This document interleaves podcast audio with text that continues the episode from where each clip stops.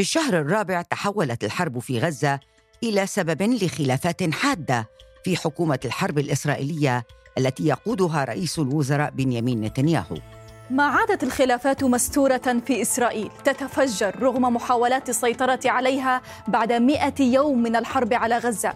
مجلس الحرب الإسرائيلي أمام خيارات كبيرة. تقول صحيفة التايمز البريطانية إن المجلس أمام أسئلة صعبة حول مصير الرهائن والحرب الواسعة على قطاع غزة ومن هو المسؤول عن القطاع في النهاية؟ حزب المعسكر الرسمي بيني جانتس جادي أيزنكوت يقولان واضحة أنه إطلاق سراح الرهائن والمختطفين الإسرائيليين في قطاع غزة هو في الأولوية. نتنياهو في عنده توجه أكثر لمواصلة الحرب في غزة. لكن لماذا يريد نتنياهو مواصلة الحرب؟ في ظل التهم الموجهة لنتنياهو في ظل الوضع السياسي اللي موجود فيه نتنياهو يطرح تساؤلات هل الدافع نتنياهو هو دافع حقيقي أم دافع من منطلق مصلحة وفي ضوء تراجع شعبية نتنياهو حسب استطلاعات الرأي خرجت تظاهرات تطالب بإسقاط حكومته كما تعددت الدعوات الرسمية وغير الرسمية لعزله فهل يمكن الإطاحة بنتنياهو في ظل هذه الخلافات؟ ووسط الحرب؟ وما هي الطرق القانونية والدستورية لعزل رئيس وزراء إسرائيل ومن يستطيع القيام بذلك؟ أنا انتصار يونس وهذا بودكاست زوايا من سوا بودكاست. بعد هجوم حماس على إسرائيل علقت الأحزاب السياسية خلافاتها وأعلن في 11 أكتوبر عن تشكيل حكومة طوارئ ومجلس حرب يدير معركة غزة. ضم المجلس إلى جانب رئيس الوزراء وزعيم حزب الليكود بنيامين نتنياهو كل من زعيم حزب المعسكر الرسمي المعارض بيني جانتس ووزير الدفاع الحالي يوآف جالانت والقائد السابق للجيش من حزب جانتس وهو جادي آيزنكوت ووزير الشؤون الاستراتيجية رون ديرمر إلى جانب حلفاء نتنياهو من اليمين المتشدد. مراسل الحرة في تل أبيب يحيى قاسم يشرح لنا الخلافات التي ظهرت لاحقا في هذه الحكومة. يحيى كيف وصلت الحكومة إلى هذا الوضع حاليا؟ قبل الحرب كان في خلافات سياسية قوية خلافات قضائية قوية على كيفية تغيير وجه, وجه النظام في إسرائيل. وهذا أدى إلى انقسام في داخل الشعب الإسرائيلي، فبالتالي دخول بيني جانس كان في حينه للتأكيد على إنه الحرب هي حرب صادقة من المنظور الإسرائيلي مثل ما يقولون، وأن هنالك تماسك في داخل الشعب في إسرائيل. في بداية الحرب كانت المؤتمرات الصحفية تنعقد بمشاركة كل من نتنياهو يوآف جالانت والوزير في حكومة الحرب بيني جانس. لكن مع استمرار آه، الحرب بدأت هذه المؤتمرات الصحفية تكون بشكل منفرد. وهذا اللي عكس الخلافات اللي بدت آه، يعني أكثر وضوحا. إنه لماذا فجأة لا يتم عقد مؤتمرات صحفية بين الثلاثة مع بعض؟ طيب ومن يختلف مع من في الحكومة؟ ممكن أن نقول بأنه الحكومة في إسرائيل فيها خلافات في حزب الليكود في خلافات في مركبات الائتلاف في خلافات. ناهيك عن الخلافات بين حزب المعسكر الرسمي والتي بدت واضحة أيضا خلال مقابلة لجادي أيزنكوت مع آه، آه، برنامج في القناة 12 اللي وضح فيه أنه رئيس الحكومة يكذب قال بصورة مباشرة أنه رئيس الحكومة لا يقول الحقيقة دائما. أيزنكوت لمح إلى أن تعهدات نتنياهو بإعادة المحتجزين من غزة محض أكاذيب. الأهم من هيك من هاي الخلافات هو بين نتنياهو وبين وزير الدفاع يوآف جالنت من حزب الليكود. جالنت كنت تتذكري قبل عدة أشهر عندما كانت مشروع الإصلاحات القضائية مثل ما تسميه يسميه الائتلاف أو الانقلاب القضائي مثل ما تسميه المعارضة أوضح آه، آه، أنه هاي التعديلات ستمس بمتانة الجيش ولحمة الجيش وتماسكه. فحذر من الاستمرار في هذه التعديلات القضائية. نتنياهو قام بفصله وإقالته.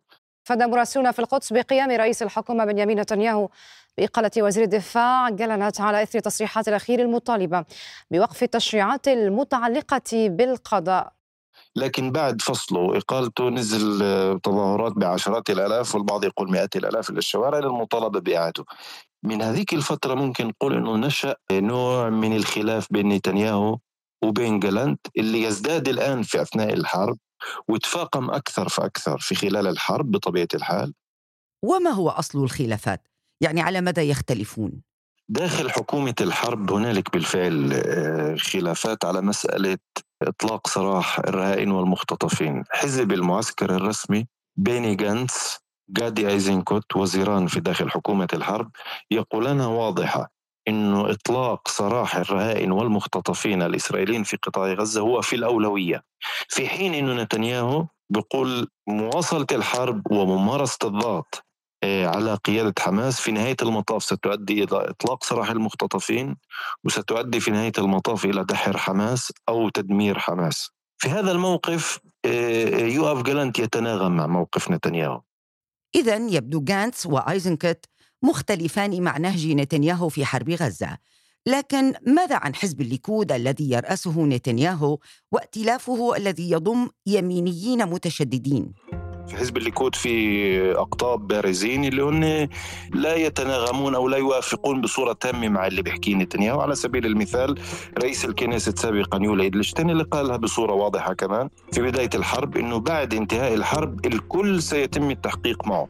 بما في ذلك بطبيعة الحال بنيامين نتنياهو، لكن الخلافات الواضحة أو خلينا نقول الضغط الواضح في داخل الحكومة هو من الجناح اليميني المتطرف اللي مكون من حزب العظمة اليهودية بقيادة ايتمار بن غفير وكذلك حزب آه، الصهيونية الدينية بقيادة بتسلئيل سموتريتش وعمليا كلاهما في قائمة واحدة في داخل الحكومة وداخل الكنيست، لكن آه، كلاهما يعني يحاولان سحب الأمور إلى الاتجاه اليميني. يعني بتسليل سموتريتش ما ما خاف إنه يقول إنه أنا معني إنه يكون في مستوطنات في في, في قطاع غزة. ايتمار بن كفير راح اذا أبعد من هيك. اتهام مسؤوليات حمل الجيش مسؤوليات وكذلك وزير الدفاع مسؤوليات عما جرى. وكمان هو يؤيد فكرة إقامة مستوطنات في داخل قطاع غزة. فبالتالي هذا هو الجناح اليميني اللي موجود في داخل الحكومة اللي يحاول سحب الأمور إلى الاتجاه آه، الخاص فيه وبطبيعة الحال هذا يؤدي إلى تصادم مع مين؟ مع وزير الدفاع اللي هو يوآف جالنت يوقف جالنت الخلافات بينه وبينهم كانت في السابق عندما كان المستوطنون يهاجمون حوارة وبلدات أخرى وفي حين جالنت ومسؤولين آخرين في, في, في الدوائر الأمنية. قالوا في حال استمرت اعتداءات المستوطنين هذا سيقوض قدرة المؤسسة الأمنية الإسرائيلية. وهذا الإشي استمر بعد الحرب يعني الخلافات بين جالنت وبين الجناح اليميني استمرت. نتنياهو بذكائه السياسي بيلعب بين القطبين. بعض الأحيان هو يدعم موقف الصهيونية الدينية وإتمار بن كفير أو خلينا نقول معظم الأحيان. في حين أنه في أحيان أخرى بإمكانه الذهاب مع يوقف جالانت باعتبار أنه وزير الدفاع وهيك بحاول أنه يروح بين الخطين هذين الخطين. هذه خلافات قديمة بين جالنت والجناح اليميني المتشدد في الحكومة.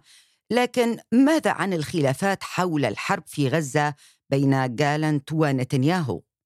بين الطرفين في تباينات تتعلق في طريقة وكيفية إدارة الحرب وكمان إطلاق العنان يعني إحنا بنحكي عن رئيس حكومي اللي هو بإمكانه السيطرة على وزراء مثل آه، بتساليل سموتريتش ومثل إيتامار بنكفير اللي يردعهم من مواصلة توجيه الانتقادات ليوآف جالنت اللي هو وزير في وزير الدفاع. نتنياهو لا يقوم في هذا الأمر. بالعكس كمان كان في له في بداية الحرب كان له اتهامات للجيش. كان في عنده عدة تغريدات على التويتر على منصة إكس اللي هي مفهومة بصورة ضمنية أنه في مسؤوليات على الجيش. إنه مسؤوليته إخفاقات على الجيش هو لم يتحمل ولا مرة منذ انتهاء الحرب لم يقل أنا مسؤول عن اللي صار. عاصفة تهب على الداخل الإسرائيلي بعد هجوم حماس في السابع من أكتوبر. رئيس الوزراء الإسرائيلي بنيامين نتنياهو يواجه اتهامات بالتهرب من مسؤولية الفشل في أحداث السابع من أكتوبر. فبالتالي هاي الخلافات اللي تأتي بين آه، نتنياهو وبين جالانت.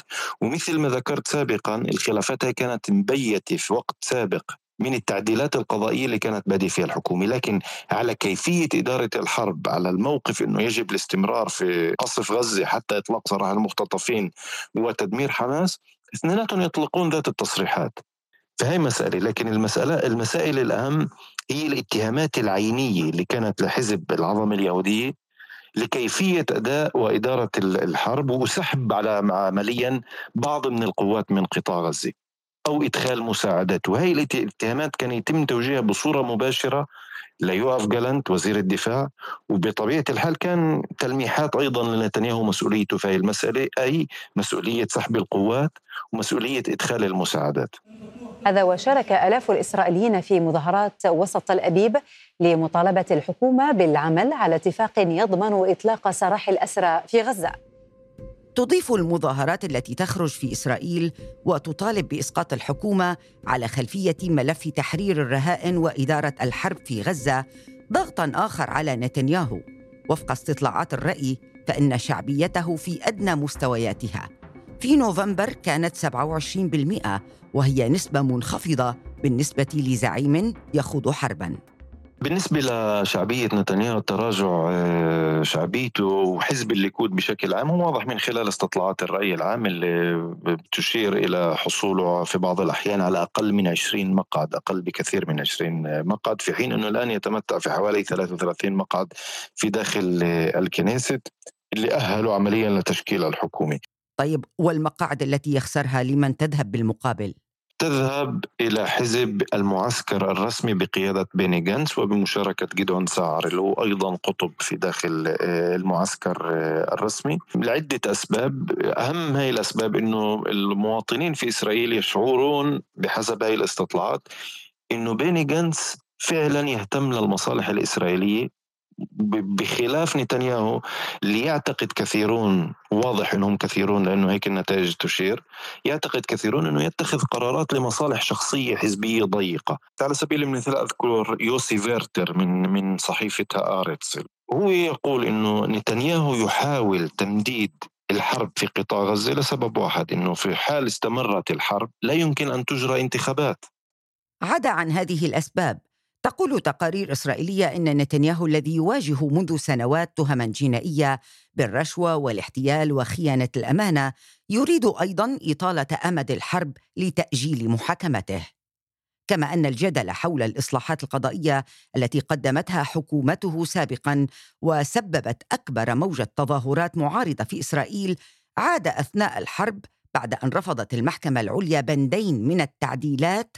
الأول شرط المعقولية الذي يعني تطبيقه الحد من سلطة المحكمة في مراجعة قرارات الحكومة غير المناسبة.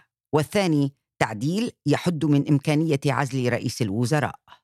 قبل عدة أشهر سن الائتلاف الحكومي آه، قانون اللي يصعب إزالة نتنياهو من منصبه أو إزاحة نتنياهو من منصبه وفي هذا القانون اللي هو قانون دستوري اللي يتمتع بأغلبية أكبر وهو من ناحية قانونية أك يعني أقوى من القانون العادي كان في توضيح شو هي المراحل اللي بالإمكان عزل رئيس حكومه فيها، إما أن يكون عاجز جسديا بصورة تامة وبالتالي عندك ضرورة لتمرير 75% من أصوات أعضاء البرلمان أو أو إنه هو بيقدم استقالته.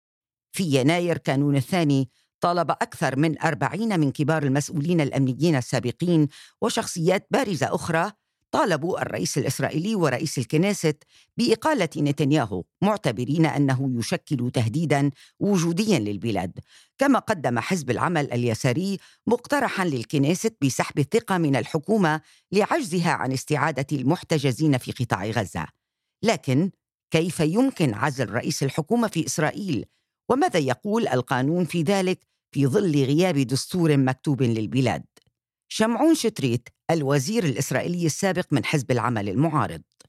في هناك سلسلة من القوانين الأساسية التي تعتبر دستور وفي هناك تقليد وعادة التي تأسست من سنة إقامة دولة إسرائيل 48 على رأس السلطة التنفيذية هي الحكومة مجلس وزراء. وعلى رأسها رئيس الوزراء. بالنسبة للسلطة التشريعية تسمى البرلمان. وعلى رأسها رئيس الكنيست لها صلاحية تشريعية. والسلطة الثالثة الجهاز القضائي المحاكم. وعلى رأسها المحكمة العليا وماذا عن رئيس الحكومة؟ يعني كيف يسمى؟ جهاز الحكم الإسرائيلي هو جهاز برلماني. في هناك انتخابات. في الانتخابات الجمهور يصوت وينتخب 120 أعضاء كنيست. وال 120 أعضاء الكنيست منهم يكون ائتلاف. ائتلاف التي يكون أغلبية في الكنيست. والائتلاف هو يؤيد رئيس وزراء وحسب هذا الائتلاف يفوز أكثرية من البرلمان ويفوز بثقة البرلمان وكيف تنزع الثقة عن رئيس الحكومة؟ في هناك إمكانية للبرلمان أن يصوت سحب الثقة وذلك يتطلب 61 من 120 إذا حصل ذلك تنتهي فترة منصب مجلس الوزراء ويجب أن ينتخب مجلس بديل من المجلس الراهن. وفي هناك مناسبات معينة لإمكانية إتاحة بوزير أو رئيس وزراء مثلا إذا كان هناك تقديم اتهامات جنائية ضد وزير يجب أن يستقل من من منصبه. ولكن بالنسبة لرئيس الوزراء يتطلب ليس فقط تقديم الاتهام في المحكمة وإنما قرار نهائي. لمحكمة التي تدين رئيس الوزراء. وقبل ذلك يستمر كما هو الموضوع الوضع الآن. ولكن في هناك إمكانية أن يستقيل بنفسه من المنصب آه، في حالة سياسية معينة. ذلك حصل مثلا السيدة جولدا مير بعد حرب الغفران. آه، كان هناك احتجاجات كبيرة وهذا أدى إلى استقالة السيدة جولدا مير. وانتخبوا إسحاق رابين في هذا هذاك الوقت. استقالة رئيس الوزراء معناه مجلس الوزراء بأكمله آه، ينتهي فترة منصبه. حرب الغفران هي الحرب التي دارت بين إسرائيل ومصر وسوريا في السادس من أكتوبر عام 1973 إذا هذه عن آلية نزع الثقة عن رئيس وزراء حالي. ولكن ماذا عن حالات يتم فيها اعتبار رئيس الوزراء غير مؤهل للمنصب كما حدث مع أرييل شارون عام 2006 لظروف صحية أو مقتل رئيس الوزراء. في هذه الحالة مجلس الوزراء ينتخب رئيس مؤقت وبعد فترة معينة يجب أن الرئيس المؤقت يشكل ائتلاف التي يعطي له الأكثرية في الكنيست وهذا ما حصل في في في اريل شارون وسيد إسحاق رابين الله يرحمهم وماذا عن صلاحيات رئيس الوزراء ووضعه في حالة الحرب؟ هل هناك قوانين خاصة؟ في هناك بنود معينة بالوضع ما يسمى حالة الطوارئ وفي حالة الطوارئ في هناك صلاحيات لتشريع من قبل الحكومة وليس فقط البرلمان التي من شأنها في لها إمكانية أن تسن تعليمات التي تلائم الوضع وضع الطوارئ ولكن هي محدودة الوقت وهي سارية المفعول لمدة ثلاث أشهر فقط. هذا مثلا حصل في وقت الكورونا وحصل الآن في وقت الحرب. ولكن هذه المرة الحرب يستمر أكثر مما حصل في الماضي. حرب الغفران كان ثلاثة أسابيع وحروب أخرى كانت ست أيام وإلى آخره. ولكن هذه هذا الحرب تستمر أكثر من ثلاث أشهر. في حالة نتنياهو لديه خلافات داخلية في حكومته وامتدت الحرب أكثر من ثلاثة أشهر. فما هي السيناريوهات القانونية لعزله؟ قانونيا هذا يجب أن يكون أكثرية. 61 عضو في الكنيست من 120 يجب أن تكون لهم حكومة بديلة والحكومة البديلة هي تقدم أمام الكنيست والكنيست تصوت بأكثرية 61 أن تعطي الثقة للحكومة البديلة بأكثرية 61 هذا هو هذا هو التاريخ في البرلمان. وفي هناك طريقة أخرى قانون الذي ينص على عقد انتخابات ليس في الموعد العادي يعني كل أربع سنين وإنما في موعد التي تقرر الكنيسة وذلك أيضا يطلب 61 عضو من الكنيسة ليس ممكن أن تكون انتخابات مبكرة. إلا كان هناك قانون خاص الذي ينص على انتخابات مبكرة. وإذا ليس هناك أكثرية فترة الحكومة تستمر حتى الموعد العادي لعقد الانتخابات هذا بعد سنتين ونص. وماذا عن خلافات جانتس جالنت ونتنياهو؟ في الوضع الراهن في هناك اثنين ضد واحد يكون الأكثرية هي التي تسود الموضوع. ولكن للآن كل القرارات اتخذت بالإجماع. إذا يكون نزاع كبير أو خلاف كبير من شأنه أن يؤدي إلى انفصال يعني السيد جانس في هناك خلافات التي من شأنها أن تؤدي إلى انفصال حزب جانس. ولكن للآن يبدو أنهم يستمروا في في الحكومة. لم يحدث حتى الآن انشقاق لكن الخلافات ما زالت قائمة. ووسط هذه الأجواء يبدو نتنياهو كمن يسير على حبل مشدود في معركتين غزة ومعركة مصيره السياسي. فهل ينجو هذه المرة كما سبق؟ ونجا مرات عدة؟ وفقا لتقرير في سي ان ان فإن التاريخ السياسي الإسرائيلي يشير إلى أن الأمور يمكن أن تتغير بسرعة وبشكل كبير. فالحكومة الجديدة تجلس على هامش ضئيل ويمكن لأي تطور أمني أو سياسي أن يغير الحسابات بالكامل. كان هذا بودكاست زوايا من سوا بودكاست. إعداد وكتابة انتصار يونس. مراجعة عبد العالي الزهار. مكساج ميراس عريان. إشراف سوا بودكاست محمد فاروق عبد الرحمن. إذا أعجبكم ما نقدمه الرجاء الاشتراك وتقييم الحلقات على منصات الاستماع للبودكاست. وأرسلوا لنا تعليقاتكم واقتراحاتكم على منصات التواصل الاجتماعي. نلتقي في موضوع جديد في بودكاست زوايا هذا الأسبوع.